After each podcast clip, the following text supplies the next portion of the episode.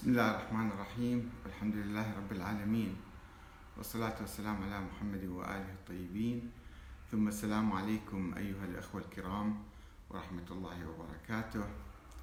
الأخ علاء زكي يسألني لماذا لا تعتنق مذهب المعتزلة؟ ويقول الأخ الأستاذ أحمد الكاتب المحترم بعد التحية والسلام لماذا لا تعتنق مذهب المعتزلة؟ بعد قراءتي لكتبكم واستماعي إلى محاضراتكم القيمة فإنني أجدكم كل البعد عن المذهب الشيعي الاثني عشري والقاسم المشترك بينك وبين هذا المذهب هو الحب المطلق لأهل البيت وهذا لا اختلاف فيه أو لا اختلاف عليه مع معظم المذاهب الإسلامية الأخرى.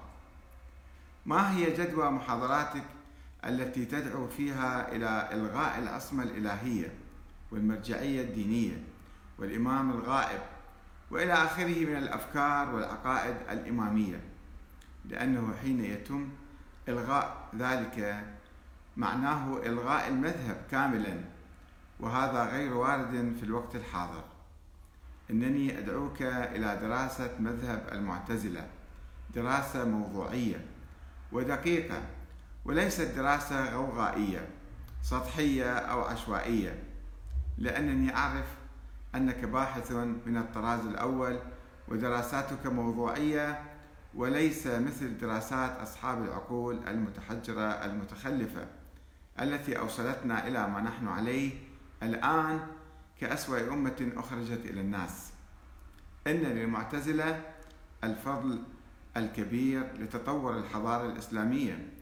ولولاهم لما وصل المسلمون إلى ما وصلوا إليه خلال عصر النهضة والحضارة الإسلامية وحين تم إلغاء دور المعتزلة والقضاء عليهم وعلى أفكارهم دخل الإسلام في عهد العصور المظلمة وإلى يومنا هذا. والسلام عليكم أخوكم علاء زكي.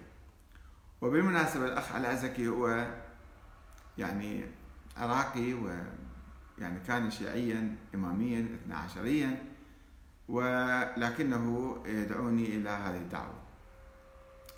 وفي الحقيقة آه، الجواب على ذلك آه، أن المذاهب آه، تطورت كثيرا.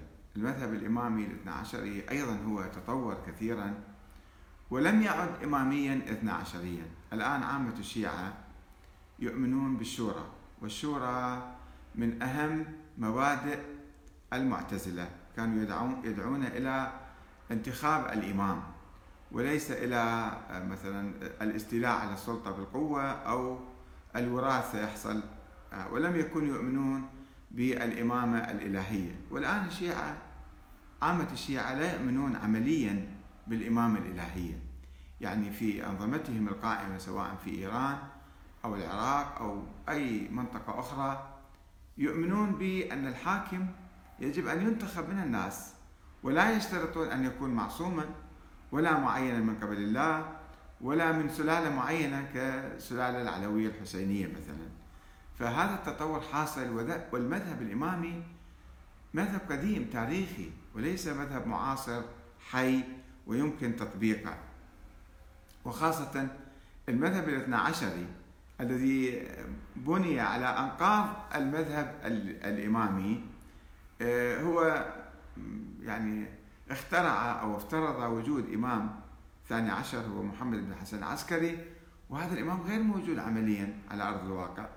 منذ 1200 سنة لا يقوم بقيادة الشيعة ولا إرشادهم ولا تعليمهم ولا هدايتهم ولا يقوم بأي دور فهو كالمعدوم. أو هو معدوم أساسا ولم يخلق ولم يولد من الأساس. المعتزلة كانوا يؤمنون أيضا من أهم مبادئهم الأخرى الأمر بالمعروف والنهي عن المنكر. وهذا الشيء حاصل مو فقط عند الشيعة اليوم عند جميع المسلمين يأمرون بالمعروف وينهون عن المنكر ولا يلتزمون بمثلا آه، آه، الخضوع للسلاطين إلا فئات قليلة جدا. والشيعة قاموا بثورات سواء في إيران أو العراق أو في لبنان. في المقاومة الإسلامية التي حررت جنوب لبنان. فهذه يعني تطورات عمليا حاصلة. وأساسا حتى في بعض مبادئهم الاثنا عشرية آه، النظرية التي صاغها السيد المرتضى الشريف المرتضى علم الهدى في القرن الخامس الهجري هو كان متأثر بالمعتزلة وكان هناك في المعتزلة فريقان. فريق يسموهم أهل البصرة وأهل الكوفة أهل الكوفة كانوا يسمون آه، يعني الشيعة المعتزلة. فرقة كانت موجودة في القرن الرابع الهجري وحتى يمكن الثالث. تسمى الشيعة المعتزلة أو المعتزلة الشيعة. كانوا أقرب إلى أهل البيت وأقرب إلى آه، يعني هذا الفكر. ثم ورثوا فكرهم إلى الاثنى عشرية. مثلا موضوع التقبيح والتحسين العقليين. أن العقل بإمكانه أن يدرك الأمور الحسنة والأمور القبيحة خلافا للأشاعرة اللي هم عامة أهل السنة الذين لم يكونوا يعترفون بذلك ويقولون يعني فقط إحنا نأخذ الحسن والقبح كما يعرفه الإسلام مثلا أو كما يعرفه تعرفه الشريعة. فهم يقولون ما في فرق يعني لا يوجد فرق بين الشريعة والعقل والعقل بإمكانه أن يدرك الأمور الحسنة والأمور القبيحة. فانا لست بحاجة بالحقيقة لأكون معتزليا إنما يكفي أن يكون واحد مسلم وينتهج منهج العقل والعلم والأحاديث المتواترة الصحيحة اللي جدا جدا قليلة. وفي في المجال السياسي يأمر معروف وينهى عن منكر.